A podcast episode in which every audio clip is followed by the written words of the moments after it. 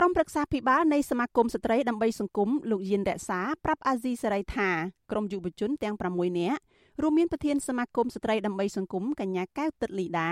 និងយុវជន5នាក់ផ្សេងទៀតបានត្រឡប់ទៅផ្ទះវិញអស់ហើយនៅល្ងាចថ្ងៃទី25ខែមិនិនាលោកបញ្ជាក់ថា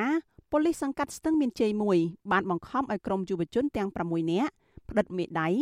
ធ្វើកិច្ចសន្យាឈប់ដើរប្រមូលស្នាមមេដៃប្រជាពលរដ្ឋបន្តទៅទៀតដើម្បីជាថ្នូរបានដោះលែងឲ្យមានសេរីភាពមកវិញលោកបន្តថារឿងនេះទំនងដោយសារតែក្រុមយុវជនទាំងនោះគ្មានជំរឿព្រោះខ្លាចអាជ្ញាធរចាប់ពួកគេដាក់ឃុំនៅពន្ធនាគារដែលតាមចម្លើយដែលខ្ញុំបានសួរគាត់ថាតើគាត់គិតយ៉ាងណាចំពោះការដាក់ញត្តិនៅថ្ងៃទី26ដែលគាត់បានប្រកាសគាត់បានបញ្ជាក់ខ្លីថាគាត់ សុំសម្រាប់សិនមិនចង់និយាយអីមិនដឹងថាចន្លោះពេលហ្នឹងតើគាត់រងសម្ពាធអ្វីឬមួយក៏គាត់ទទួលបានពាក្យពេចន៍ណែនាំកម្រិតណាយើងក៏អត់ដឹងដែរនេះគឺមានន័យថាឆ្លុះបញ្ចាំងឲ្យឃើញយ៉ាងច្បាស់ថាគាត់ពិតជាមានចំណុចរអារបស់គាត់អាស៊ីសេរីមិនអាចតាក់ទងយុវជនទាំង6នាក់ដើម្បីសាកសួរព័ត៌មានបន្ថែមជុំវិញការខាត់ខ្លួននិងការដោះលែងនេះបាននៅឡើយទេ នៅថ្ងៃទី25ខែមិនិនាដោយទូរស័ព្ទចូលជាច្រើនដង ប៉ុន្តែពុំមានអ្នកទទួលការដោះលែងយុវជនទាំង6នាក់នេះបន្ទាប់ពីពួកគេជាប់ឃុំនៅប៉ុស្តិ៍នគរបាលរដ្ឋបាលស្ទឹងមានជ័យ1អស់ពេលមួយយប់ពួកគេត្រូវប៉ូលីសឃាត់ខ្លួនកាលពីរសៀលថ្ងៃទី24ខែមិនិនាតាក់ទងនឹងការប្រមូលស្នាមមេដៃពលរដ្ឋនៅក្នុងរាជធានីភ្នំពេញតាក់ទងនឹងបញ្ហានេះអ្នកនាំពាក្យស្នងការនគរបាលរាជធានីភ្នំពេញលោកសានសុកសីហាប្រាប់អាស៊ីសេរីយ៉ាងខ្លីថាលោកមិនទាន់ទទួលបានព័ត៌មានពីការឃុំខ្លួន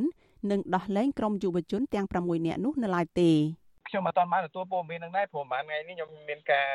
រវល់បន្តិចដល់ពេលអញ្ចឹងចាំមើលខ្ញុំ check មើលចាំខ្ញុំប្រាប់វិញព្រោះខ្ញុំ check មើលមួយខានមើលថាតើការងារនឹងវាមិនមិនខ្ញុំអត់បានទូច្បាស់ដែរក្រុមយុវជនរួមជាមួយអ្នកទាំង6នាក់នេះមានគម្រោងហាយក្បួនដាក់ញត្តិទៅខុទ្ទកាល័យលោកនាយករដ្ឋមន្ត្រីហ៊ុនសែន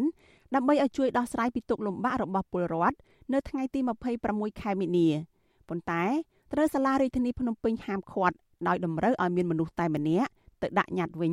ដើម្បីទប់ស្កាត់ការឆ្លងរាលដាលជំងឺ Covid-19 ញត្តិនោះមានសំណុំពរនិងស្នាមមេដៃពលរដ្ឋជិត200នាក់ដែលអះអាងថាពួកគេជួបការលំបាកក្នុងជីវភាពដោយសារវិបត្តិជំងឺ Covid-19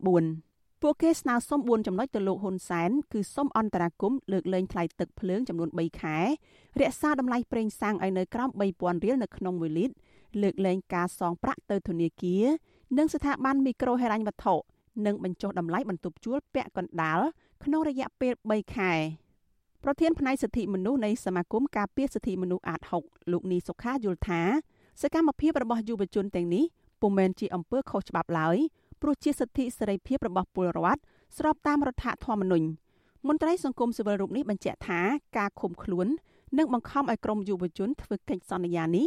ជាការរដ្ឋបិទធ្ងន់ធ្ងរ ប៉ះពាល់ដល់សិទ្ធិសេរីភាពរបស់ប្រជាពលរដ្ឋជាធម្មតាគាត់គាត់រកការគ្រប់គ្រងដើម្បីឲ្យមានជាសម្លេងពីព្រោះយើងនៅក្នុងសង្គមប្រជាធិបតេយ្យយើងត្រូវការសម្លេងរបស់ប្រជាពលរដ្ឋសម្លេងដែលប្រជាពលរដ្ឋរងគ្រោះសម្លេងដែលប្រជាពលរដ្ឋទន្ទឹងរងការចង់បានរបស់ប្រជាពលរដ្ឋហ្នឹងទៅទៅទុកសេរីភាពឲ្យគេក្នុងការគេធ្វើការទៀមទាគេធ្វើការស្នើទៅរដ្ឋាភិបាលធ្វើការអីចឹងហើយបាទហើយបើសិនជាយើងទៅរដ្ឋបတ်ជាលក្ខណៈនៃការរដ្ឋបတ်សេរីភាពហើយរដ្ឋធម្មនុញ្ញមាត្រា35ចែងថា ប្រជាពលរដ្ឋខ្មែរទាំងពីរភេទមានសិទ្ធិចូលរួមយ៉ាងសកម្មក្នុងជីវភាពនយោបាយសេដ្ឋកិច្ចសង្គមគិច្ចនិងវប្បធម៌របស់ប្រទេសជាតិសេចក្តីស្នើទាំងឡាយរបស់ប្រជាពលរដ្ឋត្រូវបានទទួលការពិនិត្យនិងដោះស្រាយយ៉ាងម៉ត់ចត់ពីអង្គការរដ្ឋ